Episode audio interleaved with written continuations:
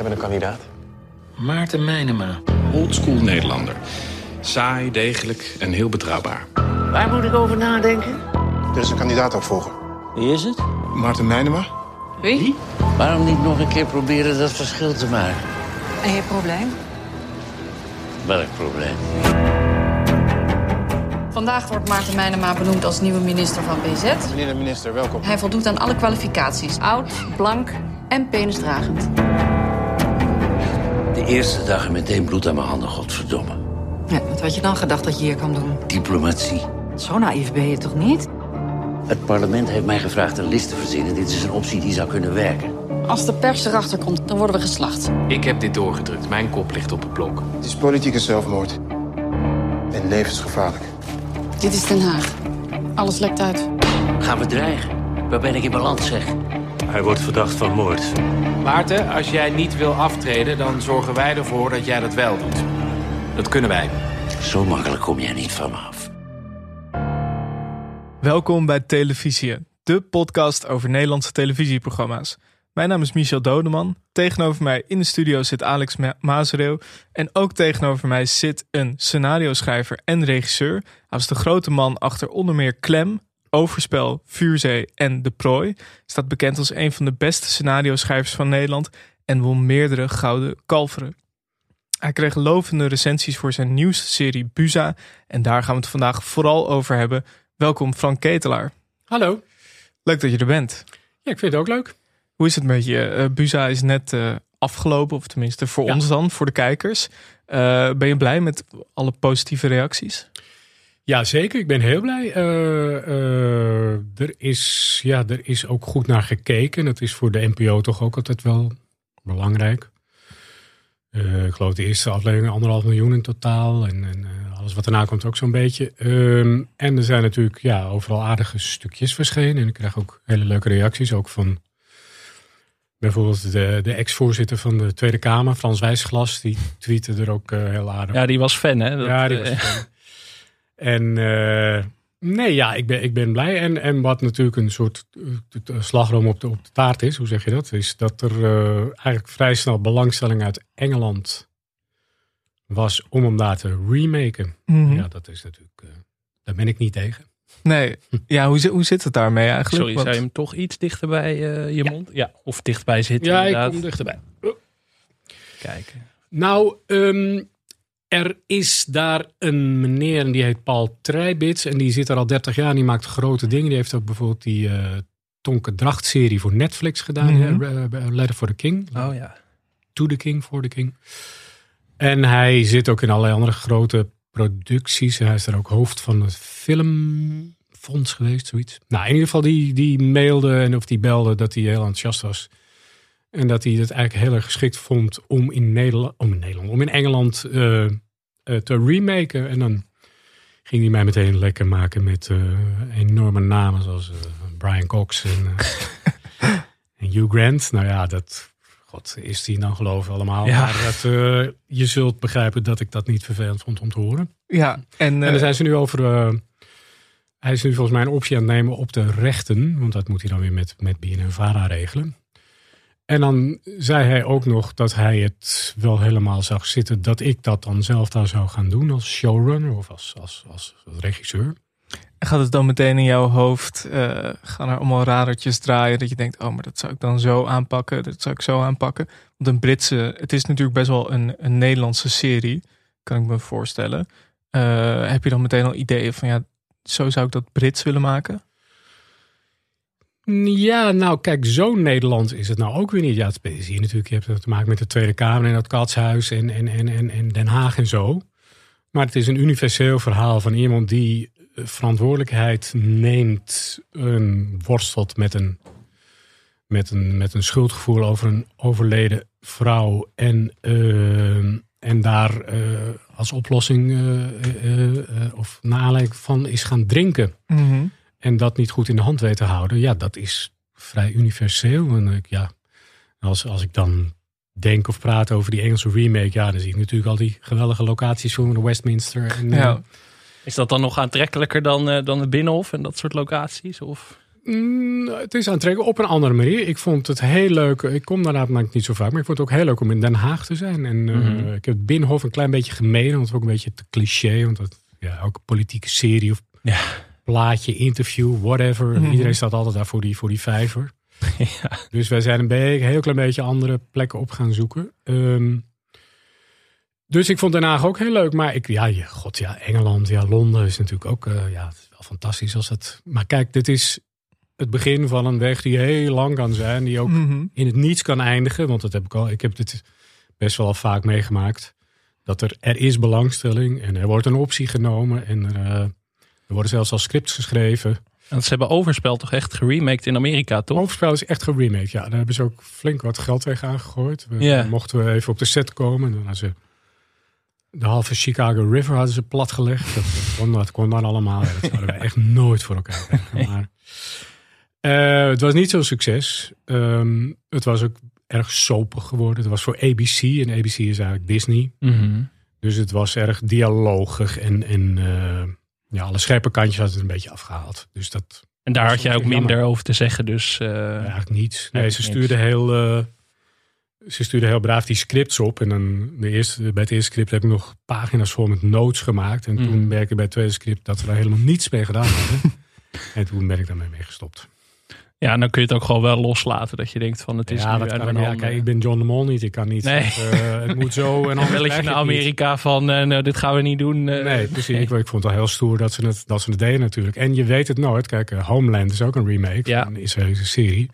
Ja, dat is natuurlijk behoorlijk goed geworden. Dus je weet het nooit. Ze hebben overigens Clem nu net in Duitsland geremaked. Mhm. Even between us, want dit hoort verder niemand geloof ik, behalve het wij, wij drieën. Eh, dat, daar ben ik niet zo heel enthousiast over ook. Dus je, je hebt het niet in de hand. En als je niet John de Mol bent, dan kan je er niet bovenop blijven zitten. Bovendien heb ik ook eigenlijk helemaal geen tijd voor. Nee, dus het is meer een soort eer dat je, dat je wordt aangekocht door het buitenland. Dat je denkt van, oké, andere producenten en zo zien er wat in. Dan dat ja, je, het is leuk. Het is toch weer een kerfje op de kolf van je geweer. En je kunt het op IMDb zetten. En het is, Ja. ja. god, het is natuurlijk vlijend dat mensen in het buitenland een zekere kwaliteit zien in wat jij hier in Nederland met je, met je kleine, kleine serietje hebt geprobeerd te maken. Ja, we gaan het vandaag dus vooral hebben over je nieuwste serie Busa. Ja. Eh, ik las dat het, het idee al in 2014 eh, door je hoofd spookte. Of tenminste, welke vorm had het toen? Ah, Was het gewoon een serie over Den Haag? Of hoe, hoe was dat precies? Als ik het mij goed herinner, ik spreek veel met Robert Kiefiet. Dat is een beetje mijn partner in crime bij BNN Vara, waar ik al heel lang al die dingen mee eh, doe. En die riep een keer iets vaags van ja, er is wel een soort belangstelling voor misschien iets over politiek. En ik meen dat ik toen wel meteen al dacht van ja, maar eh, buitenlandse zaken is volgens mij een hele mooie arena voor een serie, omdat daar voortdurend van alles aan de hand is op leven en dood. Volgens mij hadden we toen net de MH17 gehad. Of dat, ik weet niet helemaal meer precies. Je had ook die gijzelaffaire met, ik geloof dat die meneer heette Arjen Ekels. Die, Oh ja. Waar het nou ook weer precies was, Afghanistan of Irak. Die was in een heel naar land, werd, werd hij gegijzeld. En het was een enorm ding hoe, dat, eh, hoe, dat, eh, hoe die man vrij eh, gekregen moest worden. Officieel betaalt Nederland natuurlijk geen losgeld. Want Mhm. Kan je erop wachten tot de volgende komt. Onder tafel gebeuren natuurlijk allemaal dingen, onderhandelingen die niet in de openbaarheid komen. Ja, maar heel spannend voor een serie. Bovendien, buitenlandse zaken, dat is ook eh, spionnen. En wij hebben ook spionnen. El- elk, eh, elk land heeft spionnen, wij ook. En dat gaat vanuit buitenlandse zaken. Dus nogmaals, daar zijn, dat is een spannend, spannend onderwerp, Mhm. vond ik. Ja, want heel veel andere politieke series, er zijn wel wat pogingen geweest in Nederland natuurlijk het, het afgelopen decennium. Volgens mij Morten en de fractie, die draaiden veel meer om in het grotere plaatje inderdaad. Van mensen die minister willen worden of binnen echt partijpolitiek. Maar bij, jij vond de ministerie, vond je dat bij voorbaat al een veel interessanter eh, speelveld dan bijvoorbeeld een verkiezingsstrijd of dat soort Ja, maar een verkiezingsstrijd kan ook heel spannend zijn. Mhm, Ehm, het begint er eigenlijk allemaal mee dat ik zo'n ontzettende fan was van The West Wing. mhm. Daar zijn zeven series van gemaakt, geloof ik, of zes, zes of zeven. En Zeven, ja. die kan ik eigenlijk elk moment van de dag weer helemaal opnieuw opzetten en weer allemaal opnieuw bekijken. Dat komt natuurlijk ook omdat ze zo fantastisch geschreven zijn door een van mijn helden, Aaron Sorkin, eh, de eerste vier seizoenen. Ehm er wordt geweldig in gespeeld. En het is, ik, ik vind het gewoon een hele interessante materie. Nogmaals, een kijkje achter de coulissen van de macht is altijd spannend, is altijd interessant, is altijd drama. Shakespeare wist het ook al. zeven jaar later. En is de serie op tv. hoe, hoe, hoe is het zeg maar door de jaren heen? Is dat idee veranderd? Of waarom ja, heeft het want zo lang ik geduurd? wilde namelijk natuurlijk, of misschien niet zo natuurlijk, maar ik wilde een tiendelige serie. En als die zou lukken en een beetje aardig zou worden en een beetje aan zou slaan, dacht ik, nou dan kan je nog eens een tweede of een derde seizoen maken. Want er is daar nogmaals, er is er altijd iets aan de hand. Mhm. Ja, we hebben het ook net weer met Afghanistan eh, meegemaakt. Ja. Het is natuurlijk op het scherpst van de, van de snede van leven en dood en dilemma's en narigheid. En, en... Maar die tiendelige serie, ja, dat, daar, die kreeg ik er niet door bij de NPO. Omdat men had toen net volgens mij die serie De Fractie Mhm. gedaan. Dat was niet helemaal zo goed gelukt. Volgens mij ook niet zo- niet zo'n succes. Ehm, en ja, men durft het niet aan om dan meteen te zeggen... nou, gaan we gaan maar eens tien over Buza maken, over BZ maken. Ehm, en nu nou heel veel, want het zijn altijd hele trage processen. Ehm, jarenlang eh, praten en nog eens... Ik heb, ik heb volgens mij een aantal afleveringen proef geschreven... en nog eens het is allemaal weer opnieuw tegen het licht gehouden... en nog eens anders aangepakt. En uiteindelijk zijn we erop uitgekomen dat ze zeiden... nou, een vierdelige serie durven we wel aan. Nou, toen moest ik eigenlijk weer opnieuw beginnen. Want Mhm. een tiendelige serie heeft een heel andere spanningsboog... dan een vierdelige serie. Ehm, maar ik heb toen gedacht, ja, het is toch leuker om iets te maken dan niets. En toen zijn we daarmee akkoord gegaan. En toen, ja, toen ben ik eigenlijk weer half opnieuw begonnen. Ik had wel de personage, ik had wel een de alcoholistische minister had ik wel altijd al. Maar al die mensen van die staf, die ik ook heel interessant vind. Zeker. Die, die moeten natuurlijk, ja, die zijn loyaal of niet loyaal. Die zijn het ermee eens, die zijn het er niet mee eens. Die hebben hun eigen besonjes. Die, eh, die moeten maar uitvoeren wat er bedacht wordt op, op een eh, hoger niveau. Ja, ja dat, dat moet je maar net. eh, dat, zoals nu met Afghanistan. Ik, ik, ik spreek wel eens iemand van BZ, want we hebben er contact mee eh, gehouden. Ja, dat was daar geen feest die, die maand van, van die Afghanistan-crisis. Die mensen die, hebben zich het snot voor de ogen gewerkt. Je, je, doet het nooit goed. En heel veel dingen worden dan van hoge hand beslist. Die dien je uit te voeren. Dan mag je dan, ja, dan ben je niet geacht om daar eh, commentaar op te hebben. Eh, dus dat geeft weer hele andere dilemma's en, eh, en, eh, en drama. Dus ik wilde die tiendelige serie, daar kon ik veel meer uitwaaien. Ook met de, met de leden van de staf mee. Mhm.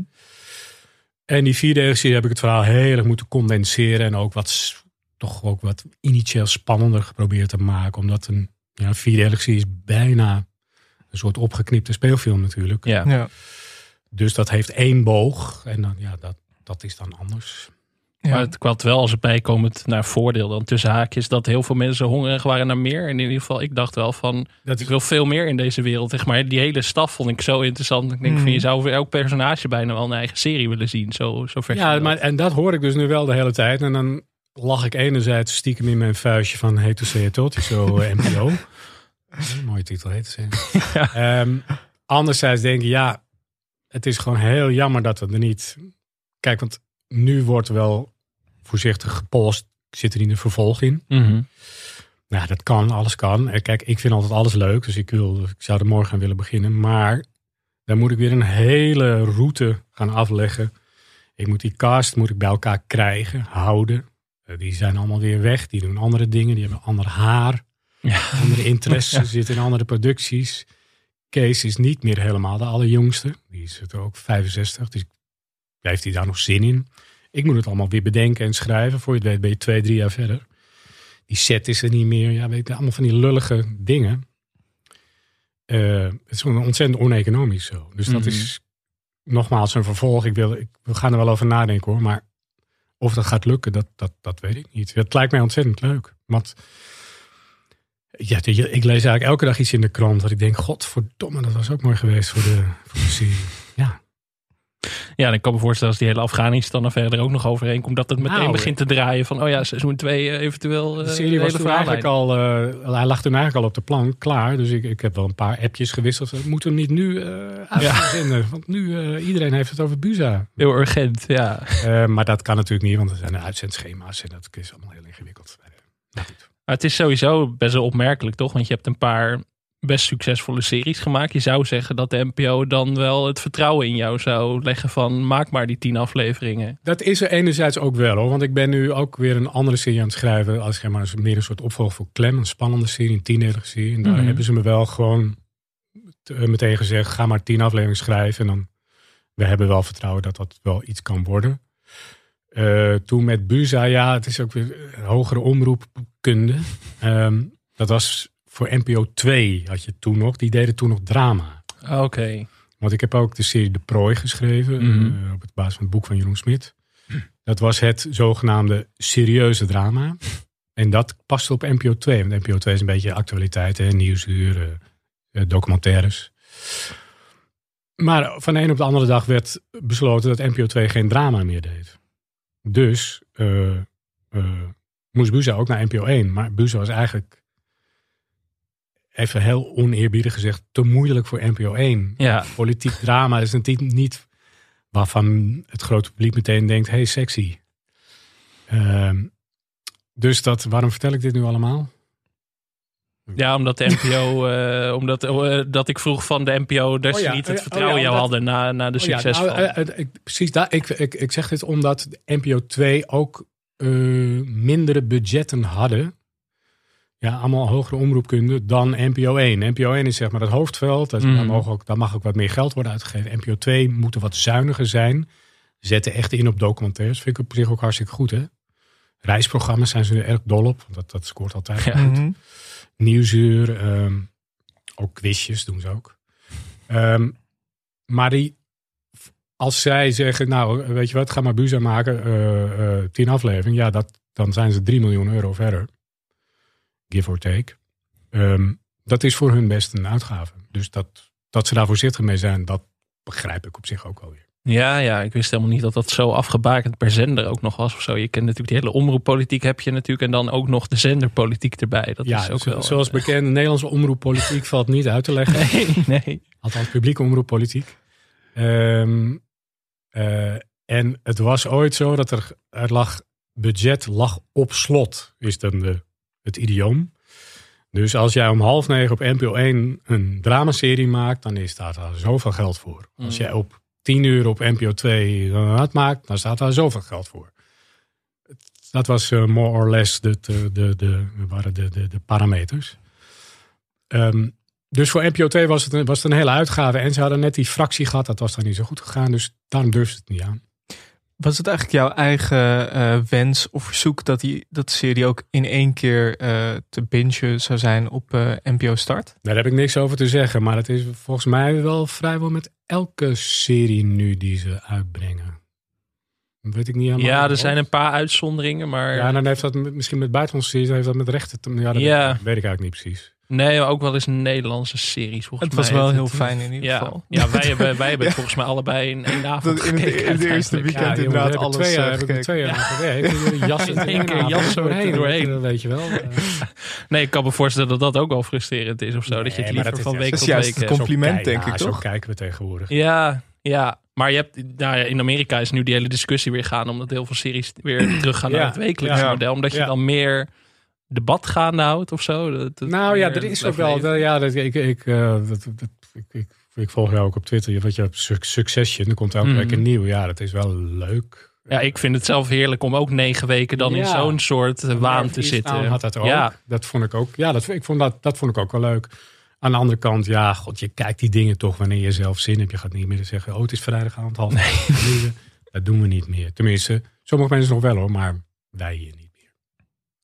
Laten we even wat eh, eh, dieper ingaan op het hoofdpersonage, eh, Ja. Maarten Meinema. Hoe, hoe heb je dat personage opgebouwd? Hoe, hoe gaat zoiets in zijn werk?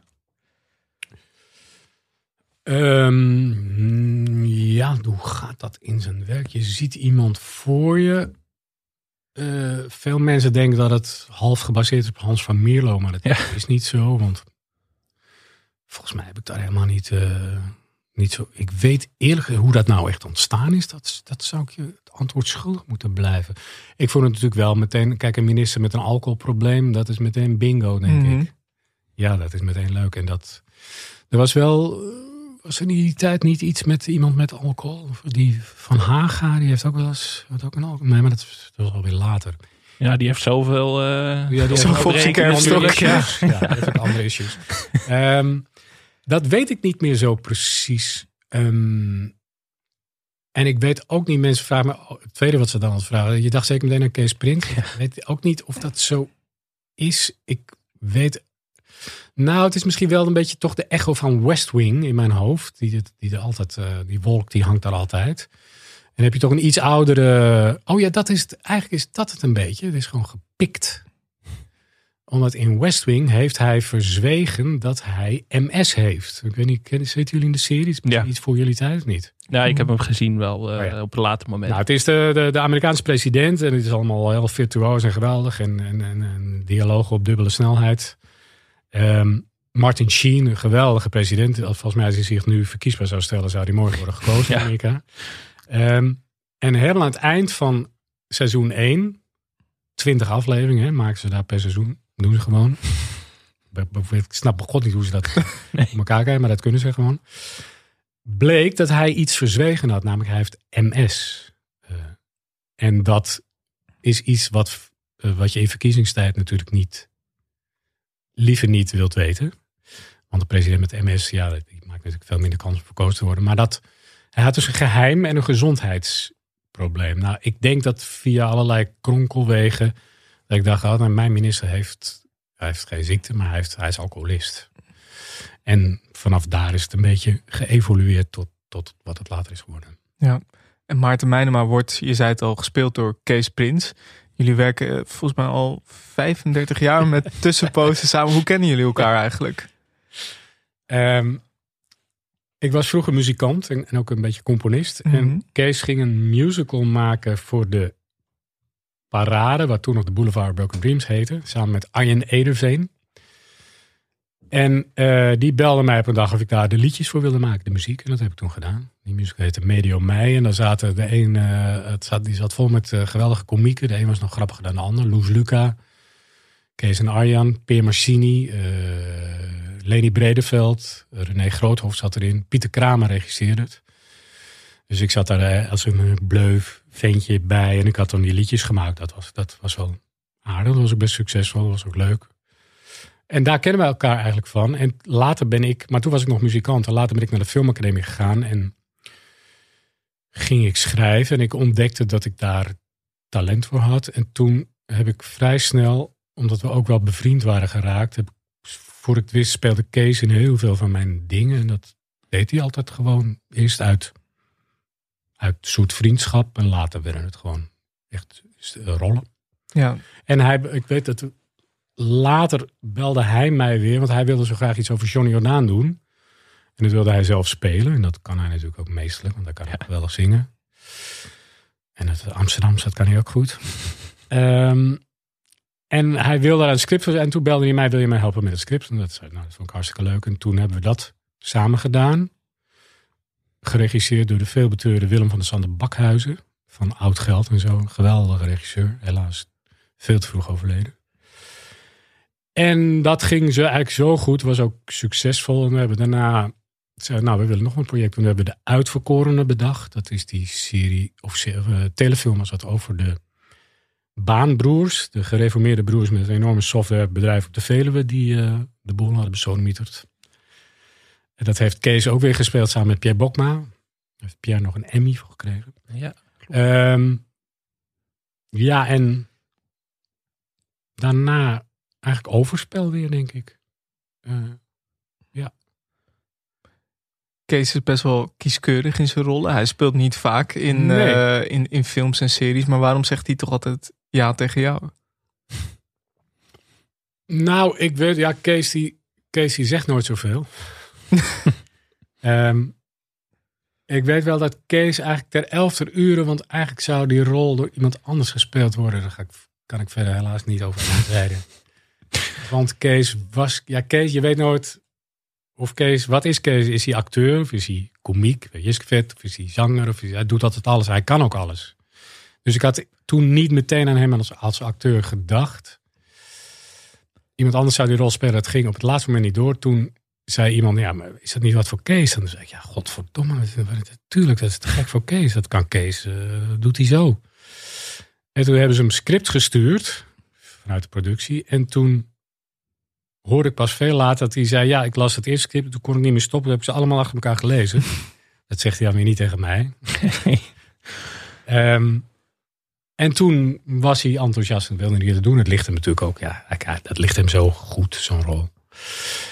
Ehm, en hij, is- hij, hij vindt het ook leuk om te filmen. Hij vond en vindt het volgens mij nog steeds leuk om te filmen. Ehm, dus zo is dat eigenlijk eh, bij Overspel gegaan. Ja. En ja, dat, die rol past hem als een, als een jas natuurlijk.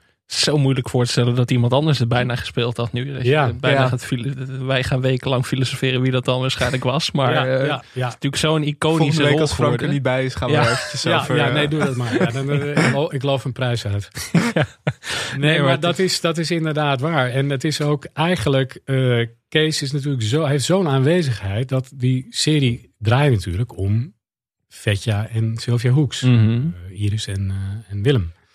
Die, die onmogelijke liefde. Maar langzaam, maar, eh, bij het derde seizoen... had iedereen het eigenlijk voornamelijk over Kees. Ja. Ja. En, en natuurlijk die plaatjes, want dat vond iedereen ook leuk. Ja. Ehm, dus de, ja, Kees heeft gewoon een enorme aanwezigheid. En dat, ja, dat, is, dat, dat maak ik graag gebruik van natuurlijk. Wat me opvalt in jouw series zitten vaak eh ras-echte Amsterdammers in. Eh, die kan Kees natuurlijk ook heel goed spelen. Ja. Jij bent zelf ook een Amsterdammer. Dat- Je hebt ook al eens eerder. je hebt zelf ook wel gezegd dat dat iets. Ja, dat is iets uit je eigen leven dat je meeneemt. Maar Buza is natuurlijk een heel andere serie. Zonder eh, echte eh, Amsterdammers, zeg maar. Het is Ja. Den Haag. Ja. Het staat misschien ook ver af van je leven. Maar hoe, hoe neem je dan toch iets van jezelf mee naar die serie? Kan dat überhaupt? Nou ja, kijk, in al, ja, dat is, het is ook wel een beetje een cliché, maar het is ook gewoon echt wel waar. In elk personage zit gewoon toch iets van jezelf als je schrijft. Ehm, ja, je kunt je voorstellen, die man heeft verdriet omdat zijn vrouw is overleden en hij voelt zich daar schuldig over. En daardoor grijpt hij naar de fles. Ehm, ja, dat is voor ons allemaal, denk ik, voorstelbaar. Dat je. Dat je. Ik kreeg, nog een mail over, dat zal ik zo vertellen. Eh, je geliefde zegt tegen je: Ik voel me niet helemaal lekker. Zal ik even naar de dokter gaan? En dat je dan hebt gezegd: Nou, kijk het nog eventjes aan. En dan later blijkt dat ze er te laat bij is geweest. Ja, dat, dat kun je wel voelen. Ook al ben je geen minister of ben je niet. niet, niet. Dus in, in, in diervoegen kun je je inleven in zo'n personage. En, en, en, en heb je bijvoorbeeld de rol van San, Sanne Samina. Die zegt, ja, dan komen ze weer met zo'n oude witte, witte man. het trekken ze uit de mottenbal om hier minister te komen worden. Waarom is het niet eh, ja, dat kan, ik, dat kan ik me ook goed voorstellen. En, en de rol van Freek, die dan zegt, ja, ik, ik dacht dat het een hele goede man was. Maar ik geloof ik me verschrikkelijk heb vergist. Want het is een, het is een alcoholist. En een, ja, dat, dat zijn allemaal dingen, daar, daar kun je aan relateren. Daar kun je, dus in die zin kan je, kan je dat schrijven. En dan hoeft het niet per se in Amsterdam te zijn. Het is wel zo qua idioom, maar daar hebben we ook hulp, heb ik ook hulp bij gevraagd. Eh, ja, ze praten daar natuurlijk toch een beetje anders. BZ, jij moet BZ zeggen. Ik zeg Buza, maar dat, dat willen ze zelf eigenlijk liever niet. Nee. Dat ze zelf echt heel stom. Ja, er kwam meteen een ambtenaar of zo Ja. op Twitter die zei van Ja. waarom heet het in godsnaam Buza of zo. Dus ja, je- ja. Baal je daar dan nog van na afloop? Nee, want ik vind Buza is een veel mooiere ja, titel. dat eh, ben ik met je BZ is lelijk. Ja, Buza. En bovendien, er zijn genoeg mensen die noemen het Buza. Dus het is niet gezegd dat die titel moet zijn wat... Nee. Ehm, maar ze hebben daar een idioom. Hè. We zijn daar in afkortingenland. Dus eh, de MP en de, de minister is M. En de, de, de minister van Ontwikkelingssamenwerking is R. En eh, de DGPZ heb je. En alles is een afkorting. En, ze, en het is echt een ministerie. Dat klopt ook, tenminste dat vertellen ze mij. Van oude Haagse families. Want je moet dan in dat diplomatenklasje komen. En dat, dat is een beetje, dat stokje wordt een beetje binnen die families doorgegeven. Hoe dat nou precies zit, weet ik eigenlijk ook niet. Dat, dat, dat, dat, ja, dat, dat, eh, klinkt als een verhaallijn bijna voor een eh, ja, een seizoen. zeg ja. maar dat was, dat was ook een van de verhalen. Mm. Dat, dat was die oude eh, Louis, de DGPZ. ja. Dat is echt een oude Hagenees. Die, die stelde ik me ook voor zo'n mooie oude Haagse straat. En die, had dan, een- die was dan een weduwnaar. En, nou ja, eh, allemaal dingen die ik niet heb kunnen doen. Ehm, Dus dat idioom hebben we wel wat hulp bij gehad. Dus ik heb, we zijn ook bezig praten bij eh, BZ. En ze hebben ons heel goed geholpen. En Job Frieso, de ex-voorlichter van Uri Rosenthal. En ook oude journaal, eh, politieke man. Heeft me ook erg geholpen. eh, en, en ja, soms schrijf je iets op en dan zegt ze nee, zo zeggen wij dat niet. En verander ik dat. En heb je ook veel gekeken naar het echte Den Haag? We hadden het net al over eh, Afghanistan, dat soort dingen die gebeuren. Heb je daar tijdens het schrijven ook veel naar gekeken? Jawel, ja. Nou, ik, ik, ben, ik volg sowieso de politiek best. Nou, op de voet wil ik niet zeggen, maar ik, ik lees goed. Ik probeer goed de krant te lezen. En ik, ik, eh, ik zat vanochtend nog even naar het debat te kijken. En, ik vind het allemaal wel heel interessant, ja. Ehm, dus ja, dat neem ik van mee wat ik er van mee kan nemen. En kijk je dan ook naar eh, een minister die voor de camera staat, hoe die zich gedraagt, hoe die beweegt, hoe die praat? Ja, kijk, het aardige is, eh, toen ik op de filmacademie kwam, kregen wij scenario les. De eerste, in de eerste les kregen wij van Hugo Heijnen, een hele goede schrijver. Het eerste wat hij volgens mij zei, tenminste zo herinner ik me, en zo ga ik het gewoon als anekdote ook nu tafel gooien, is dat hij zei, het principe van de dialoog is de leugen. Dus als mensen in een film of in een serie of in een toneelstuk of whatever, in een dramawerk, dramawerk tegen elkaar spreken, dan is het niet interessant als ze elkaar de waarheid te vertellen. Maar als ze tegen elkaar liegen, dan wordt het interessant. En dat is gewoon helemaal waar. En nou ja, liegen kan op allerlei niveaus. Je kunt er omheen draaien, je kunt het eufem- eufemistisch zeggen, je kunt het met een, om een hoekje zeggen, je kunt het je kunt keihard liegen.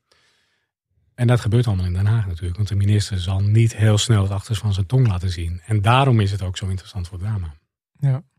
En heb je, eh, er zitten natuurlijk ook best wel veel verwijzingen in de serie naar van waarom zou je nog minister willen worden überhaupt? Eh wij nemen dit op donderdag op en inderdaad, gisteren is dan het regeerakkoord gepresenteerd. En het ging bij op één ook eventjes over dat van die vraag van waarom zou je in vredesnaam nog minister worden als je ziet wat voor shit je over je heen krijgt en dat er maar dit hoeft te gebeuren en je, je bent weg eigenlijk. En dat zit natuurlijk ook heel sterk in de serie. Ja, maar dat vind ik ook echt een hele interessante vraag. Want dat is echt een heel heikel punt wat mij betreft. Mhm. Hoe zover ik er verstand van heb hoor.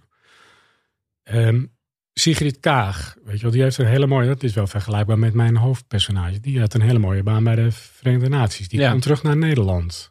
Die komt hier eh, eh, minister worden, zoals eerst minister van ontwikkelingssamenwerking. Of hoe, hoe heet dat tegenwoordig?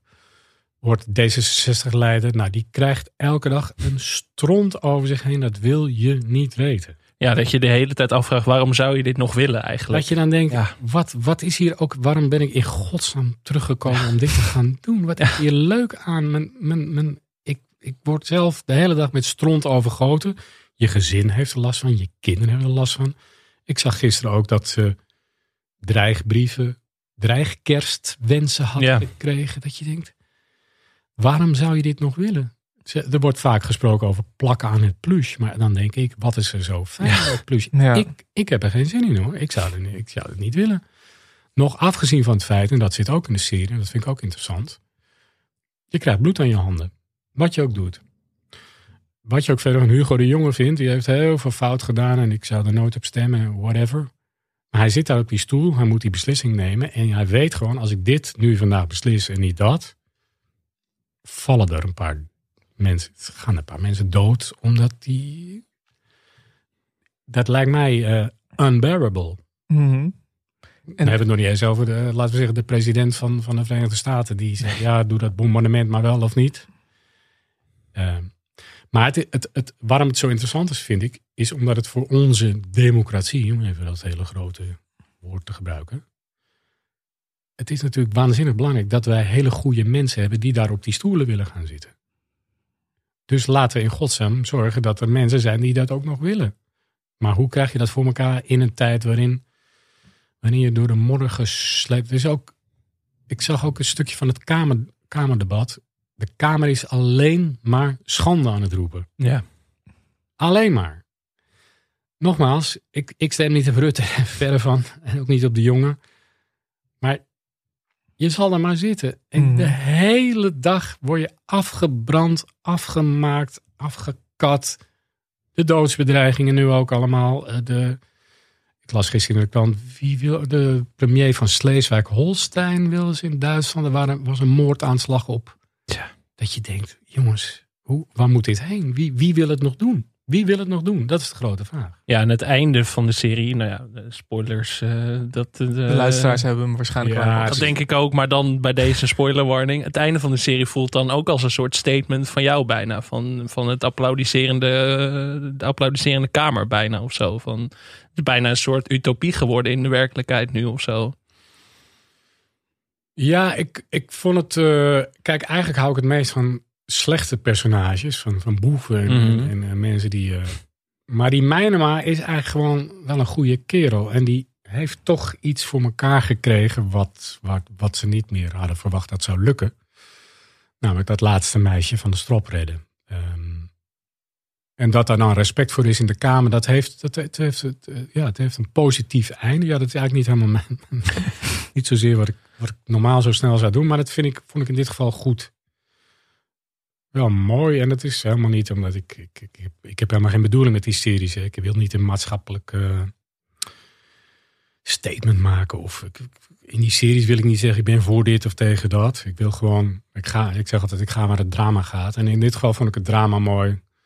Dat het, ondanks zijn alcoholisme, ondanks al die, al die problemen, dat het hem is een klein, eh, gelukt om één klein goed ding te doen. Dat hij, Ja, en toch een soort ode aan de, aan de feilbaarheid of zo van mensen. Dat je inderdaad, dat is ook helemaal weg nu. Want het is, dus, nou, Mijnema was in, in zekere zin in het echt waarschijnlijk al binnen drie uur weg, eh, weggestuurd als ze erachter waren gekomen. ja, En ja. er zijn ministers om minder misschien nog wel weggestuurd. Ja, zeker. Ja, dat las ik ook wel in sommige commentaren. Zeiden, ja, het gaat wel heel erg snel. Er is wel heel veel drama. Maar ja, volgens mij, we hebben, eh, ik kan me nog herinneren, Filomena Bijlhout. Die is volgens mij twee uur minister geweest.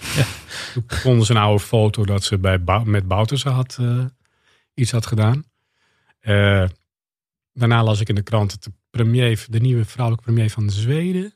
Ja, Zweden of Die was Finland ook na volgens twee mij. uur Ja, die- ja. Ja. ja, daar moest ik ook nog aan denken. Ja, Ja, dat- ja jongens, het gaat ook. Het kan gewoon heel snel gaan. En bovendien is het natuurlijk ook voor het drama het, het, het, het fijnste. Ehm, en nu weet ik niet meer waarom ik dit zei, wat je vroeg. Nou, nee, een soort van ode aan die feilbaarheid van, eh, van een, iemand die niet perfect is. Maar dat, dat ja, eigenlijk mijn ode is dat er iemand is, en in dit geval dus die Mijnema, die zegt, ik neem, ik neem verantwoordelijkheid. Omdat hij, even heel meta gezegd, zijn vrouw werd ziek. En zij zei, nee, het is mijn verantwoordelijkheid. Je hebt allemaal je eigen verantwoordelijkheid. En hij zegt, ik wil gewoon verantwoordelijkheid voor meer nemen. Voor meer mensen, voor, voor het land, voor de, voor de belangen. Voor... En dat, vond ik, dat vind ik wel een thema. Wie, wie durft er nog, wie wil er nog verantwoordelijkheid nemen? Maar goed, terwijl ik dit zeg, lees ik ook voortdurend in de krant dat Hugo de Jonge, die wil gewoon rustig nog vier jaar door. Met alles wat hij over heen, zich heen heeft gekregen. Nou, dat, dat vind ik ook wel weer iets. Dat, dat vind ik op een hele rare manier vind ik dat hoopvol. Ja, ja dat dat er nog is of zo. Van dat je toch die. Die Of- man, die heeft, wat die over zich heen ook Ja. heeft gekregen. Wat je er verder ook van vindt, hè, nogmaals. Eh, en toch nog zin hebben en, en, en de, en de, en de om te zeggen, nou, ik wil, nog- ik wil nog wel vier jaar minister blijven. Ik vind het ook wel weer een beetje dystopisch dat dat blijkbaar kan gaan wennen ook. Of een soort van, dat je misschien op een gegeven moment dat hij niet meer verbaasd is over alle shit die hij over zich heen krijgt. Ja, maar ik vind dat echt ongelooflijk. Kijk, eh, ook een cliché, maar dat weten jullie misschien vast. Kijk, ik, ik maak dingen en, en dan komen er stukjes in de krant en het is Twitter. En dan, ik mag meestal van geluks, of ik bof meestal dat het best wel aardig over me wordt geschreven. Maar er zit ook wel eens één slecht dingetje bij. En het, het cliché is, maar helaas zijn alle clichés waar. Dat je over al die goede stukjes zegt, ja, ja, ja, ja, het is wel waar, ja, het is toch gewoon hartstikke goed. En dan schrijft iemand, ja, maar ik vond dat, eh, dat een beetje stom. En, dat, en over dat dingetje blijf je een week, Ja, blijft een week Ja. in je hoofd zeiken. Weet je, hoezo? Het is toch helemaal niet stom? En, de- en Hugo de Jonge, die, heeft- die heeft dat duizend keer per dag. Ja. En die ik heeft zit met dat ene dingetje al een week in mijn hoofd. Misschien heeft Hugo de Jonge het inmiddels andersom of zo. Dat hij als hij één keer inderdaad nu, nu dit hoort van jou, dat hij dan denkt van toch een hele week vrolijk. De link van deze podcast doen. Nee, maar het serieus, dat vind ik echt. Maar ja, je- dat is de beroemde dikke huid die mensen kunnen ontwikkelen. Ik bedoel, er zijn wel meer mensen die zoveel gezuigen. Sylvana Simons, die wat hij ook allemaal over zich heen krijgt. Of iedereen eh, die, die, die een bepaalde rol speelt in het publieke debat. Dat is niet zo leuk meer. Dat is wel, dat is wel echt een probleem, denk ik. En echt, echt dat, ik denk dat talent, mensen met capaciteiten, dat er mensen zullen zijn die zeggen: Nou, eh, ik geef mijn portie maar een fikkie. Ik heb geen zin om daar, eh, om, om daar een rol in te spelen, want ik heb, ik heb gewoon geen zin in dat gezeik. De eerste dag. De eerste dag en meteen bloed aan mijn handen, godverdomme. Eerst een moordzaak, nu dit. Ja, wat had je dan gedacht dat je hier kwam doen? Vergaderingen, beleidstukken, diplomatie. En drie cocktailparties per week en elke maand een reisje naar een warm land. Zo naïef ben je toch niet? Niet tegen me zeggen dat ik naïef ben. Ik ken de wereld. Maar die verandert steeds sneller. Hé, hey, dat is gek. Zo ineens? Sneller dan vroeger, bedoel ik. Dat woord vroeger, dat gaan we vanaf nu niet meer gebruiken. Oké? Het lijkt me interessant om uh, nog wat dieper in te gaan op een paar scènes of een paar belangrijke scènes misschien langs te lopen. Ja hoor. Um, Leuk. In de eerste aflevering zien we eigenlijk al vrij gauw dat uh, de overleden vrouw van uh, Maarten Simone, dat zij terugkeert. Of dat wij haar ook kunnen zien en dat zij met Maarten praat. Uh, waarom heb je ervoor gekozen om, om dat te doen? Was dat ook om hem misschien sympathieker te maken of om hem dingen te kunnen laten uitleggen? Nou ja, kijk, je, moet, je wilt haar een bepaalde aanwezigheid geven. En dan zijn er ja, allerlei technieken. Je, er zijn dus de flashback. Was vroeger een vies woord, is nu helemaal niet meer zo. Maar uh, wat dat betreft dacht ik ook wel heel klein beetje voorzichtig aan House of Cards. Waarbij de hoofdperson, het hoofdpersonage gewoon in de camera spreekt. Ik dacht, ja, we, accept, we, we accepteren dat. We, Kevin Spacey spreekt ons toe. En vervolgens gaat hij gewoon weer door met de scène. En al die andere mensen hebben dat niet gemerkt dat hij ons spreekt. Dat, dat pikken we gewoon. En ik dacht, ik wil die vrouw, dat is een, ja, dat is een soort leidmotief. Uh, ik dacht, ik, ik voerde gewoon op. In zijn hoofd spreekt hij met, met haar. En dat is ook wel waar. Ik heb dat overigens eerder gedaan in de film In Oranje. Ik weet niet of je die kent. Mm -hmm. Daar komt uh, ja, Thomas Actas en de, vader, de overleden vader van het jongetje... die dan zich overal nog tegenaan kon bemoeien. Ik, dat geeft een soort gevo goed gevoel. Ik vond dat emotioneel vond ik dat kloppen. Dus daarom heb ik dat eigenlijk zo gedaan. Ja. En speelt het ook mee dat je misschien uh, bij Mijnema ook zeg maar, hij kan soms heel bot overkomen. Ja. Maar je moet natuurlijk als kijker, hij moet niet te bot zijn. Er moet een soort van balans daarin zijn. Uh, helpt zoiets dan ook mee? Ja, sinds Succession kan niemand meer nee. bot zijn, toch? Nee. nee, dat heeft het ook voor grote botte familie. ja. ja. Je wil niet weten hoeveel gesprekken ik vroeger aan tafels heb gevoerd. Dat mensen zeiden, ja, maar het personage is niet sympathiek.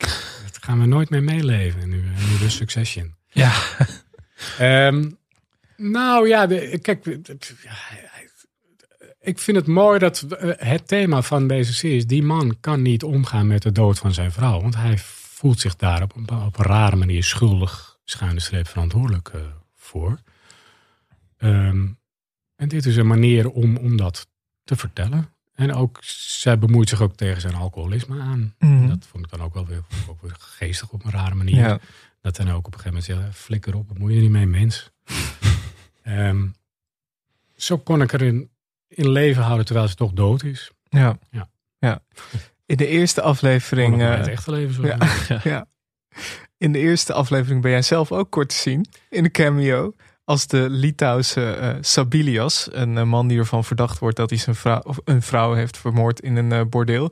Waarom dacht je, dit is nou een typische Frank Ketelaar rol? Nou, dan zal ik je dus zeggen, dat ben ik niet. Ben jij dat niet? Iedereen zegt dat ook. Ik geef toe, het is een kale man met een grijs baardje, oké. Okay. Dat ben ik niet, dat is een figurant. Echt, ik zat, ik zat zelf te twijfelen. Toen dacht ik, is het hem nou? En toen las ik ergens inderdaad... Ja, in Parool stond het ook, ja. Ja, toen ja. dacht ik, oh ja. Maar je staat inderdaad ook niet op, uh, op de IMDb-pagina. Zo. Grappig. Nee. Maar had je dan niet toen je, toen je zelf ernaar keek dat je dacht, oh, gaan mensen nu niet denken dat ik het ben? Nee, maar wel andere mensen zeiden wel meteen tegen me, hey, hè, ben jij dat niet?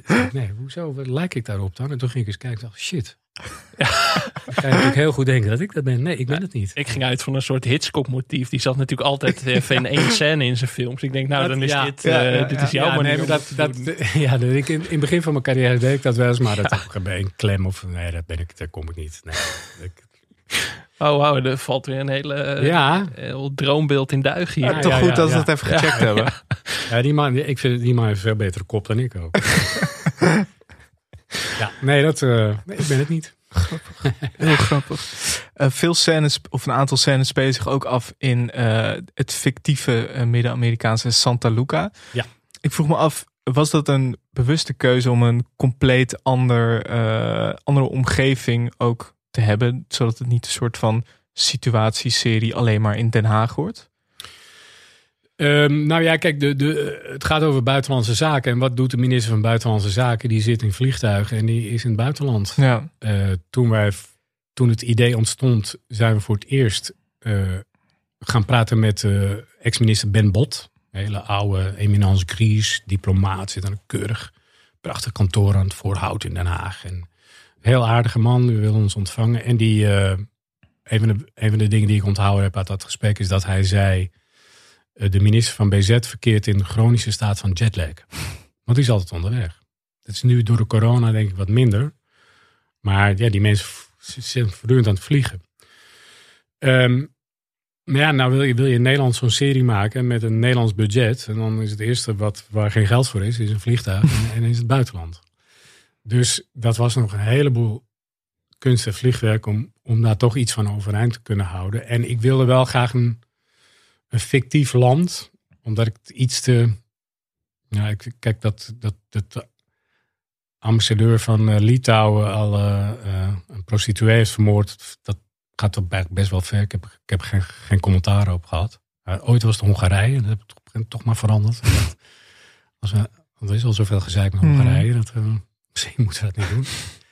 Ehm, maar het is natuurlijk gewoon, het is allemaal fictie. Maar een, ehm, om nou een echt land te nemen, dan zit je toch weer vast. Kijk, veel werkelijkheid komt aan je serie binnen. Dus dan, en kan je het ook minder goed naar je hand zetten. ja, precies. Ik kon nu gewoon, ja, het is mijn land. En, en ik kon helemaal beslissen wat er aan, precies aan de hand was. Ja. Ja. ja. En het is uiteindelijk opgenomen in Spanje, geloof ik. Hè? Ja, in Almeria. Ja. Ja. Maar alle interieurs eh, is in, zijn in Nederland. Oké. Ze voelde zich niet lekker. Alle tijd. In de buik. Maar ze klaagde niet. Nooit. Ik ben een klager. Maar zij niet. Soms wel. Soms zei ze iets. Het is niet zo dat ze het niet gezegd heeft. Ik heb het wel gehoord. Weet je wat mijn antwoord was? Kijk het nog eventjes aan. Dat heb ik gezegd. Snap je dat, Monique? Dat zeg je toch wel vaker tegen iemand die ergens last van heeft. Nee, niet doen. Nooit doen. Waarom zei ik dat? Dat heb ik me zo vaak afgevraagd. Want ze zeurde niet, ze zeurde nooit. Ze zei dat ze last van de buik had. Dat is toch geen zeuren? Kijk het nog eventjes aan. En dat heeft ze toen gedaan. Ehm, een andere mooie scène, misschien wel een van de mooiste scènes eh, van de serie, vond ik persoonlijk was, eh, zat in de laatste aflevering, waarin we zien eh, hoe Maarten Meinema eh, dronken in een hotelbar aan Monique vertelt over zijn vrouw. En inderdaad dat het schuldgevoel duidelijk naar voren komt. Ik vroeg me af bij het schrijven en ook bij het regisseren, is het, zeg maar, hij is dronken, is het moeilijk om dan een soort van de balans te bewaken dat het niet per ongeluk komisch kan worden? Of dat, zeg maar, heb je daar, was dat, was dat lastig om in te schrijven en maken? Nou, ik vond het op, ja, dat klinkt misschien heel raar, want het is emotionele scène. Maar ik vond het heel leuk om te schrijven, omdat mensen die dronken zijn, die praten anders. Die, die maken rare zinnen, die maken gekke, gekke bochten. En dat is leuk, dat vind ik leuk schrijven. Dat is leuker dan, eh, eh, eh, wil je nog koffie? Eh, dat, vo- dat vond ik heel leuk, of, of, of eh, ja, interessant om te doen en, en, en leuk. En ik was niet bang dat het komisch zou worden, want eh, nee, het is zo emotioneel. En, ja, het is het momento verita. Hè? Alle, alle, Alle stront komt eruit, de puist wordt uitgedrukt. Ehm, en eh, ik weet nog wel dat toen we dat gingen draaien, toen zei Kees, ja, moet ik nou echt op tafel gaan liggen? Gaat het niet te veel? Wordt het niet te drollig? En toen zei ik eerst nog, ja, nee, anders moet je gewoon een beetje in die stoel hangen. Maar dat, dat zag er toch eigenlijk gewoon niet zo goed uit. Zei ik, ja, ga, ga eens één keer op tafel kijk, hoe, kijk hoe dat werkt. En toen ging je liggen, toen dacht ik, ja, je ligt gewoon laveloos op tafel. Dat is gewoon een veel sterker beeld. En, eh, en, maar ja, ik kijk, het aardige van de samenwerking tussen Kees en mij is, ik hoef hem helemaal niet zoveel te vertellen, want hij, hij, hij speelt dat eigenlijk meteen heel mooi. En je zou zeggen, ja, hij is natuurlijk, hij is natuurlijk komiek.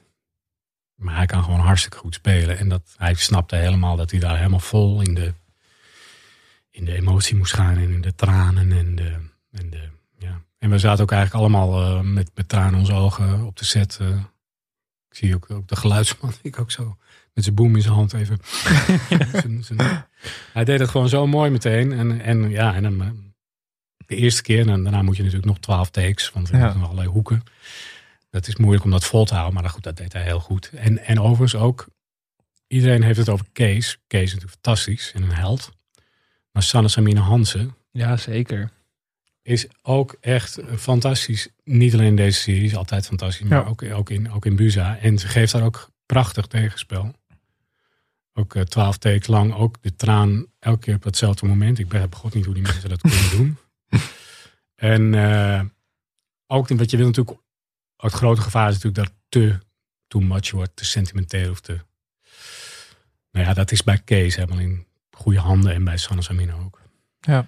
Want sowieso inderdaad, uh, je hebt het over Sanne Samina, maar ook uh, Werner Kolf heel goed. Ja. Freek Bartels ja. ook in een heel andere rol dan we een ja. beetje van hem gewend zijn en zo. Ben je echt zeg maar dan tot op detailniveau zelf met de casting ook bezig? Nou, de hoofdrollen zeker, ja. ja. Dus uh, Freek en, uh, en ook uh, Menno, die Louis Houtkoper speelt. Ja. Ja, dat zijn allemaal gewoon castings. Ik wist overigens wel, ik, ik doe ook wel eens musical. Zoals jullie weten, ik hoop niet dat, dat ik nu meteen eruit gegooid. Nee, nee. Nee hoor, zeker niet. Um, en daar ken ik Freek heel klein beetje van, die ook wel eens in musicals, hij speelt in musicals. En, maar Freek kan eigenlijk, is ook een beetje een multitalent. Die kan ook alles, die kan gewoon ook gewoon heel goed zingen en dansen en bewegen. Maar hij kan ook gewoon echt heel goed spelen. Dat had ik al een keer in een musical auditie geloof ik gezien. Mm -hmm. En toen kwam hij langs en ik, hij heeft iets. Kijk, ik, de serie gaat niet over bestaande personen, maar Freek heeft iets van Rob Jetten. Ja, ja, ja daar moest ik ja, dacht, nou dat laat ik toch niet, ga ik toch niet laten liggen, want dat vind ik dan toch wel leuk. Een beetje zo'n jonge aanstormende uh, uh, partijleider met een Freek natuurlijk gay. En dat vond ik ook heel leuk, omdat dat een beetje gewoon erin blijft en erin zit. Dus dat vond ik, ja, ik vond Freek hartstikke leuk voor die rol. Dat, dat, hij heeft het ook heel goed gedaan. En ook een uh, hele fijne gast. Ja, en dan kon ik natuurlijk toch niet om Jacob heen. dus ik begint een heel klein beetje te worden van, oh, daar heb je Jacob weer. Maar ja, Jacob is zo onwaarschijnlijk goed. Want ja, um, met onze budgetten moeten wij uh, zo'n serie er op zien te krijgen. Ik geloof dat ik 7,5 of 8 draaidagen per aflevering had. En dan heb je, heb, moest ik in één of twee dagen moest ik alles in dat katshuis, uh, al die scènes erop krijgen. Dat zijn natuurlijk, als je het over de hele serie bekijkt, zijn dat weet ik veel, 18 scènes of zo. Mm -hmm. nou ja, als er iemand uh, in Nederland dat kan, dan is dat Jacob. Die kan namelijk 20 pagina's tekst uit zijn hoofd leren voor, voor één dag en dan dat ook heel goed spelen. Ja. Um, dus afgezien van het feit dat hij ook heel goed is, levert hij ook altijd zo waanzinnig goed.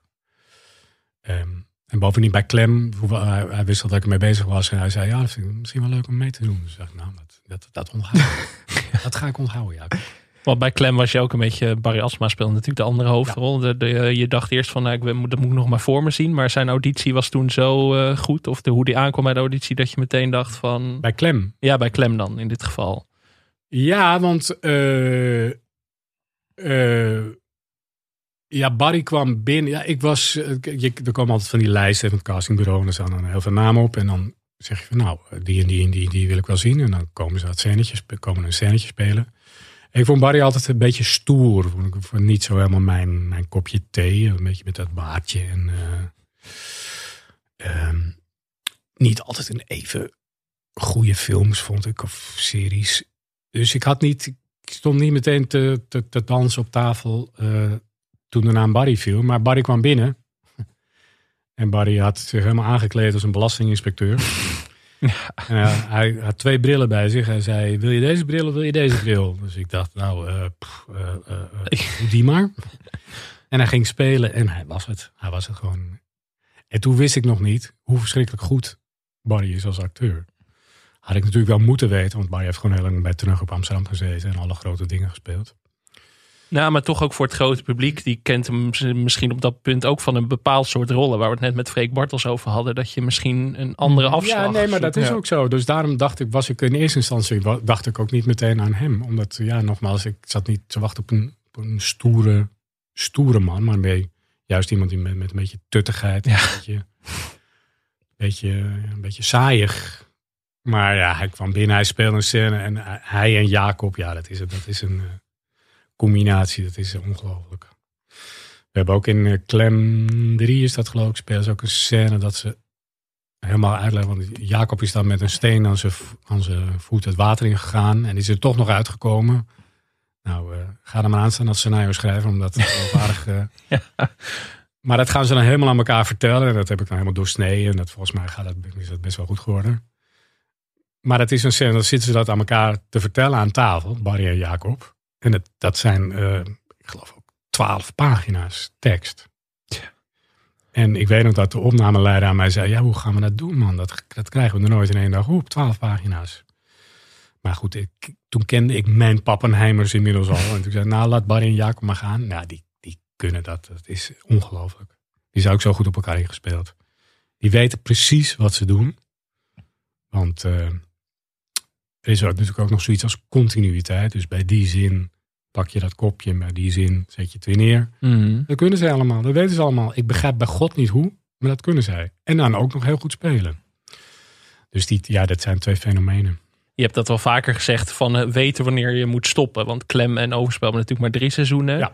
Ook een serie die eerder geschreven heeft, Vuurzee had er twee natuurlijk. Het is best wel nou, niet, niet, heel erg, eh, niet heel uitgeweid verder. Is dat altijd zo dat je denkt van ik heb een verhaal voor drie seizoenen max en dan weet ik het wel? Ja, maar het heeft ook wel iets te maken met het genre. Kijk, als jij eh, de, de, de, de bekende de ziekenhuisserie, de advocatenserie, maar bijvoorbeeld met Buza had het ook wel gekund. Dan zou je, als het interessant eh, uitpakt en goed blijft, dan kun je daar best wel lang mee door. Want er, ja, bij Buza is altijd wel aan de hand bij een advocaat. Mhm. Er komt altijd weer een nieuwe eh, zaak binnen. In een ziekenhuis is er ook altijd wat aan de hand. Maar overspel en klem waren qua gegeven eh, hadden een bepaald uitgangspunt. Dat op een gegeven moment is dat op.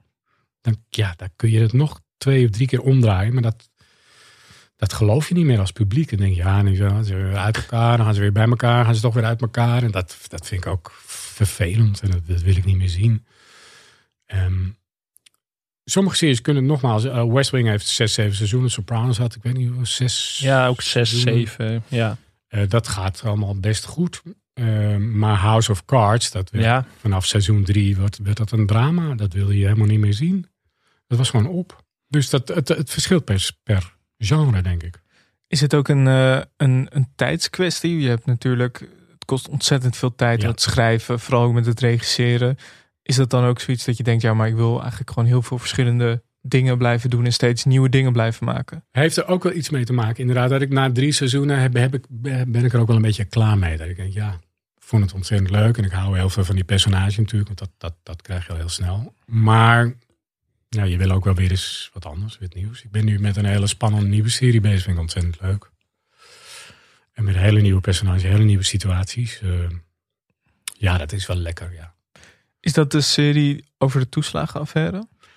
Nee, dat is eigenlijk, dat is eigenlijk een los project. Dat is ook een, een miniserie. Dat is, wat worden maar drie afleveringen. Hm. Ehm, dat is heel ingewikkeld en moeilijk. Daar zijn we, zitten we middenin. Ehm, heel veel werkelijkheid. Werkelijkheid is altijd moeilijk. Ehm, hoe ga je daarmee om? Wat, wat, wat klopt? Waar, waar mag je een beetje afstand nemen om het drama eh, eh, in, in, eh, hoe zeg je dat? Eh, om het drama te, te, te, bevorderen. Ehm, het is natuurlijk, toeslagenaffaire is ook heel itchy. Want het is een pijloze ellende wat al die mensen hebben meegemaakt. Ik heb ook mails gehad van eh, eh, mensen die zeiden: Ik wil niet dat u, daar, dat u daar iets mee doet. En dat u mag niet aan mijn verhaal komen. Het is allemaal. eh, Het is ook zo'n verse wond in die zin. het is, Ja. het is zo'n diepe Ja. wond. En er zijn mensen die zijn tien jaar lang in een afgrond ges- gestort. Het is, je, je kan er geen voorstelling van maken, zo heavy als dat is. Dus dat is, maar dat maakt het dus ook wel best wel eh, moeilijk om dat, ja, om dat eh, respectvol en toch ook eh, dat het een mooi spannend drama is te doen. Ja. Dus dat is één ding. Eh, die andere serie waar ik mee bezig ben, is, is, een, is gewoon weer een, even tussen aanhalingstekens, gewoon een lekkere, spannende serie à la Clem. Oké. Ja. En dat ben ik, ja, dat willen we dan weer eind volgend jaar gaan maken. Ik ben heel benieuwd. Je hebt een paar jaar geleden ook gezegd dat je altijd nog wel nadenkt over het regisseren van een speelfilm. Eh, ben je daarmee bezig? Ehm, ja, daar ben ik wel mee bezig, maar daar mag ik nog niks over zeggen. Ja, dat is voor jullie natuurlijk weer helemaal Spijtig. totaal oninteressant. Nou ja, we, we zijn Maar er wel- gewend. Wel Ja. fijn om te weten dat het eraan komt in Ja. ieder geval. er komt wel iets aan, ja. ja. En dat, is, dat staat op het punt van dat ik daar iets over mag zeggen, maar dat mag nog niet. Ja, dat is not in my hands. Ehm, Maar werk, werk je altijd aan zoveel verschillende projecten tegelijk? Ja, ik heb altijd, eh, ik werk altijd aan, eh, aan een stuk of zes, zeven dingen tegelijk. Ja, ja. Maar het, dat komt ook omdat dit vak, eh, bijvoorbeeld bij het ene project, eh, ben je nog in die ideeënfase. Dan is er net een, ligt er een leuk idee op tafel. En dan denk ik, nou, kunnen we daar eens over praten. Of het andere project is al halverwege. Dat is dan met die nieuwe serie. Ben ik halverwege ook echt het schrijven van de scripts. En het volgende project, ja, mo- moet je publiciteit doen. Zoals nu voor Buza, Buza bijvoorbeeld. Dus dat, Mhm.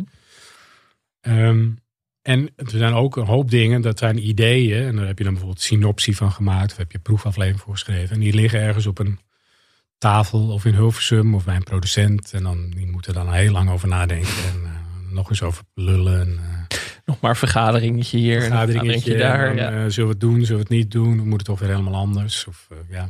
En zoals bijvoorbeeld nu die, die eventuele Engelse remake van Buza. Ja, ik moet allemaal nog zien of het ook echt doorgaat. Maar het is natuurlijk wel leuk. En dat, als ik dat zelf zou gaan doen, vind ik natuurlijk hartstikke leuk. Maar wanneer, ik heb geen idee. Dus, dus het zijn allemaal potjes die op het vuur staan. En de ene keer gaat die koken, en de andere keer gaat die koken. Want je bent in, je loop, in de loop van je carrière ook steeds meer gaan regisseren. Ook bij je eigen series, toch wel? Ja. Vuurzee waren twee afleveringen. Later Overspel 6. Ja. En dan Clem en Buza natuurlijk steeds meer. Ja. Hoe eh, is dat een soort van... Omdat je dacht van ik moet meer eens invloed er zelf op uitoefenen. Wat ze met mijn scripts aan het doen zijn vooral? Ja, dat is toch gewoon eh, controlezucht. Ja, Dat ja, je schrijft een script en dan zie je het helemaal voor je en je hoort het. En dan gaat een regisseur overigens met de beste bedoelingen. Want iedereen wil er gewoon iets moois van maken. Maar die komt dan met iets dat je denkt, ja, het is het wel, maar het is het ook helemaal niet. Ehm, en ik vind het vervelend als dingen veranderen. Terwijl ik, daar eigenlijk, terwijl ik daar eigenlijk niet mee eens ben. Maar ja, dat moet een regisseur kunnen doen, hè? want dat is, zo, zo, zo, dat is het vak. Dus Mhm. een scenario is een half fabrikaat. Een regisseur neemt dat mee en maakt daar iets van waar- waarvan hij of zij denkt, zo moet het. En het is volstrekt legitiem. Wat onverlet laat dat ik als scenario schrijver wel eens denk van ja, maar dat, dat had ik dus echt heel anders eh, bedoeld of gewild of gedacht of gehoord of gezien. En ehm, zeker met die series, omdat ja, een tiendelige serie is natuurlijk een, een schip dat een bepaalde koers vaart. En die koers moet niet gaan zwabberen, want je moet niet bij aflevering 3 moet het een heel andere serie zijn dan in aflevering 7. En bovendien heb ik wel eens in aflevering 3 dat iemand een, eh, een, een kopje omstoot. En in aflevering 7 er een vlek eh, op het tapijt ligt. En dat, dat moet allemaal kloppen. En als de regisseur van aflevering 3 zegt, ja, dat kopje omstoot vind ik flauw, dat doen we niet. Dan heb ik in aflevering 7 een probleem dat die, dat die vlek er niet is. Ja, want Dus- dat is ook wel bijzonder natuurlijk aan jouw series. Ehm, in Amerika hebben ze natuurlijk de, de term showrunner heel erg. Dat iemand Ja. eigenlijk de eindverantwoordelijk is Ja. en de grote lijn een beetje in de gaten houdt. Ik heb het idee dat dat bij jouw series, dat dat jij dat bent inderdaad. En dat was ook een reden om jou uit te is- nodigen. Maar in andere Nederlandse series heb ik wel eens het idee dat dat helemaal niet zo is. Of echt in mindere gevallen of zo. Dat het echt drie regisseurs, drie schrijvers bijvoorbeeld. En dan gaat het inderdaad, wat jij zegt, een beetje alle Ja, kanten dat is op. echt een probleem. En dat zie, zie je, volgens mij in het buitenland zijn ze veel hiërarchischer. Dan is het echt gewoon dat één iemand zegt het moet zo. Als je bijvoorbeeld Succession, waar we natuurlijk allemaal Ja. fan van zijn, daar staat heel veel andere schrijvers en andere regisseurs. Maar ik, ik vermoed dat die dan wel een eerste of een tweede versie mogen maken, maar dat die, hoe heet die man? Jesse Armstrong. Jesse Armstrong. Ja. Dat die gewoon, dat is gewoon de baas van de serie. En ik heb geen enkele eh, zucht om ergens baas van te zijn. Alleen, ik wil wel graag dat het allemaal klopt en dat het, dat, dat het sch- schip op koers blijft. En dus daarom heb ik dat toch wel een beetje naar me toe getrokken, in ieder geval met die series. Mhm. Maar is dat dan een, inderdaad een hiërarchie-ding of zo? Dat wij in Nederland gewoon ervan houden om het een beetje te Ja. spreiden, de macht of zo? Ja, kijk, ja, het, is ook een beetje een cliché. Dat is volgens mij ook een beetje veranderd. Maar laten we het even voor, voor de helderheid zeggen. Dat op de filmacademie willen mensen Fellini worden, regisseurs. Of, of Quentin Tarantino. Of, Mhm. of, eh, dus die krijgen dan een, een ding en die willen daar hun eigen ding mee doen. Nou, dat is, dat is legitiem als je een film gaat maken voor de bioscoop. Maar in een serie kan dat eigenlijk niet. Nee. Een serie moet gewoon een strakke. Het is een trein die rijdt over een bepaald spoor. Je kan niet van het spoor af. Ehm, en het wil wel eens dat Nederlandse regisseurs, eh, zeker ook als ze net van school komen of ze net beginnen, eh, lekker denken, ja, maar ik ga er toch lekker mijn eigen ding mee doen. Ja. En dat snap ik ook. Dat snap ik ook heel goed. Maar dat kan toch eigenlijk niet. Nee. Dan zie je bijvoorbeeld ook dat bijvoorbeeld ook eh, natuurlijk een van de grootste Nederlandse serie-successen, Penosa. Ja, dat is Diederik van Rooyen. Ja. Dat was gewoon een grote man. En, en zijn adem blaast er door. En daarop blijft het gewoon dat ene ding dat in zichzelf klopt. Precies, en de andere probeer ik ook met twee, mijn dingen. De andere twee grote, nou ja, in ieder geval eh, artistieke hits, wat, wat ons betreft denk ik Mokra Mafia en Hollands Hoop, dat waren ook heel erg series die van mensen Mhm. Ja. waren. En Ja. Ja. dat, Hollands Hoop is daarna. ja, Ja. en ik dus dan ja, inderdaad een uh, Mokra Mafia, Ahmed Akabi, Ja, die daar ja. inderdaad, het lijkt me ook fijn om eraan mee te werken als acteur bijvoorbeeld, dat je weet van er is iemand die, die het grote plaatje de hele tijd Ja, maar dat, soort dat, van- dat is wat ik ook wel hoor. Kijk, ik vind mezelf niet zo'n regisseur hoor. Ik ben, ik ben een schrijver die af en toe als uit de hand gelopen hobby ook iets regisseert. Ja. Maar acteurs zeggen wel altijd tegen mij: Het is wel fijn dat jij weet wat je wil. Dan zeg ik ja, maar ja, ik, ja het, het staat er. Toch? Dat wil ik. Het staat gewoon op papier. Zo wil, zo, zo wil ik het. Zo wil ik het gewoon doen. En als het niet klopt straks, ja, dan zou ik op de bladen moeten zitten. Volgens mij klopt, klopt het zo. En, en, en omdat ik toch ik heb altijd mijn scripts van tevoren af. Dat schijnt niet heel gewoon te zijn, maar dus wij maken tien afleveringen, die, eh, bijvoorbeeld bij Clem. Die draaien kriskras door elkaar, wat heel ingewikkeld is. Mhm. Hoop, hoop gedoe en gezeik, maar goed, dat moet. Anders kunnen we het niet voor het geld doen. Dus ik heb die tien afleveringen zijn gewoon al eh, een maand van tevoren klaar, want anders kunnen we het zo niet produceren.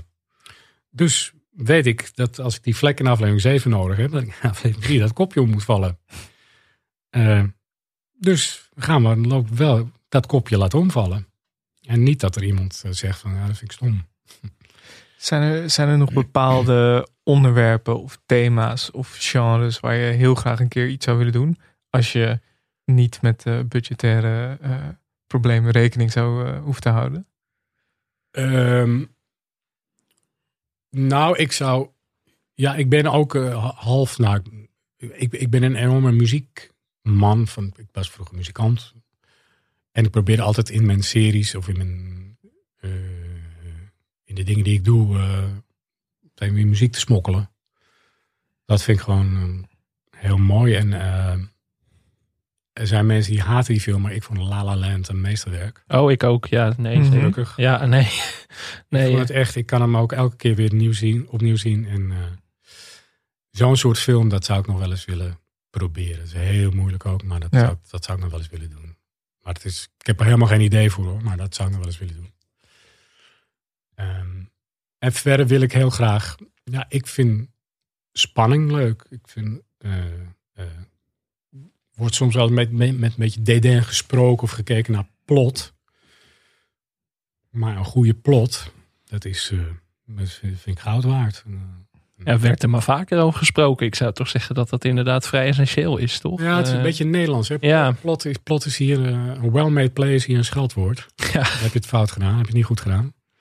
Ehm, ik hou van plot. Ik hou ook van, ja, character-driven natuurlijk. We willen allemaal, maar plot. eh, als je een scenarioboekje openslaat, dan staat er als eerste, character is plot. Dus het is, je vertelt het verhaal van iemand die verandert op een bepaalde manier onder invloed van allerlei dingen. En dat is je plot. Dus ik, eh, ja, ik, ik vind, en dat vind ik ook gewoon leuk om te doen. Een, een, een, een lekkere, spannende serie. Maar goed, daar ben ik dan nu ook mee bezig. Heel fijn. Eh, ik denk dat het tijd wordt om eh, af te ronden. We zijn al meer dan een eh, uur bezig. Maar voordat we afronden, eh, vind ik het leuk. Ja, hierover vallen we je misschien een beetje mee. Heb je zelf nog kijktips voor onze luisteraars? Ze hebben Buza natuurlijk allemaal al gezien. Ehm, ik vond ook, ik weet niet of hij er nog op staat op NPO. Ik vond Heksenjakt ook leuk, die Noorse serie. Ik vond het ook Ja. heerlijk om eens een keer niet iets Amerikaans, eh, niet zo Anglo- Anglo-Saxisch te zien. En, en Staat nog helemaal online, zie ik. staat nog Dus, eh, online. Ja. Ja. Heksenjakt vond ik echt leuk. Ehm, eh, op Amazon hebben ze gewoon weer keihard de allereerste serie ER gezet. Ik weet niet of jullie dat wat zegt. Want Ja, nee, maar het is, het is iets voor onze tijd, denk ik. Maar het is Ja, een ja. fenomeen. Heerlijke eh, serie. Mhm. Echt fenomenaal. Ehm, eh, ja, god. Ja, je overvalt me wel een beetje. Dat had ik even voor moeten bereiden. Ja, ja, dit, nou ja, iedereen heeft het over Succession. Dat is natuurlijk ook meestelijk. Ehm, dat hoef ik jullie niet te vertellen. Ehm, en ik zou zeggen, koop de dvd's van de West Wing. Als je nog een dvd-speler kunt vinden. Die Dat is wel echt een goede tip, ja. Want dat is- Koop Ja. voor een Eh. tientje op Marktplaats een dvd-speler. West Wing is, het is eh, bijna het beste wat er gemaakt is. Of de dvd's van Overspel. Klem. Overspel staat op. Videoland. Overspel staat op Videoland. Oké. Ja. Oké. Dat, vind, dat is wat ik, wat ik raar vind. Dat de NPO, maar dat zal wel iets met geld te maken hebben, denk ik. Zijn eigen schatkamer niet. Nee, daar hebben wij het ook vaak over in onze podcast. Dat we een programma willen bespreken. En dat het gewoon niet meer terug te vinden is. Ja. Het is oud geld. Het is toch het, Ja. het instituut van, van, de, van de renaissance van Nederlands drama. Dat is gewoon niet, kan je niet vinden. Nee. Waarom staat het er niet op? Ja, het, het heeft, ik denk met recht hoor. Maar ook met, met veel series die jij gemaakt hebt. Zoals over, uh, Overspel is dan op Videoland. Maar ook Vuurzee bijvoorbeeld is dan iets ouder. Maar is ook niet meer Nee, terug te zien. Nee, dat is toch heel vreemd. Ja, Kijk, als ze mij bellen, mag het erop zeggen. Ja, zet het maar op. ja. Maar je wilt toch ook dat dat, dat, dat archief het, het, het is. Dat is waar heel veel streamingdiensten ook op drijven. Is gewoon een, Ja, en je een betaalt er ook gewoon bibliotheek. geld voor. Ja, dus Maar waarom staat Overspel op Videoland en niet op, op NPO? ja, heel merkwaardig. Hogere omroepkunde, jongens. Ja, Lijkt me een Ja, mooie afsluiting. Uh, Super leuk dat je er was. Ik, uh, ik hoop Heel dat je graag het ook gedaan. Uh, vind het leuk leuk. vond. volgende En, eh, serie dan uh, ben je weer welkom. Ja. de series. Zeker. Nou, we, we hebben gehoord dat we meerdere dingen Ja. hebben om naar uit te kijken. Dus uh, dat is heel fijn. Heel We erg doen ons bedankt. best. Oké, nou dankjewel. Vond je deze podcast leuk? Laat dan een recensie achter op iTunes. Je kan ook vriend van de show worden. Dat kan op vriendvandeshow.nl slash televisiepodcast. Of stuur eens een bericht op Twitter of Instagram, televisiepod. Of mail ons op televisiepodcast.gmail.com. Veel dank aan Dag en Nacht Media, aan Studio Cloak voor de tune en aan Weits Valkema voor de illustratie. En natuurlijk heel veel dank aan onze gast, Frank Ketelaar. Tot volgende week. Tot volgende week.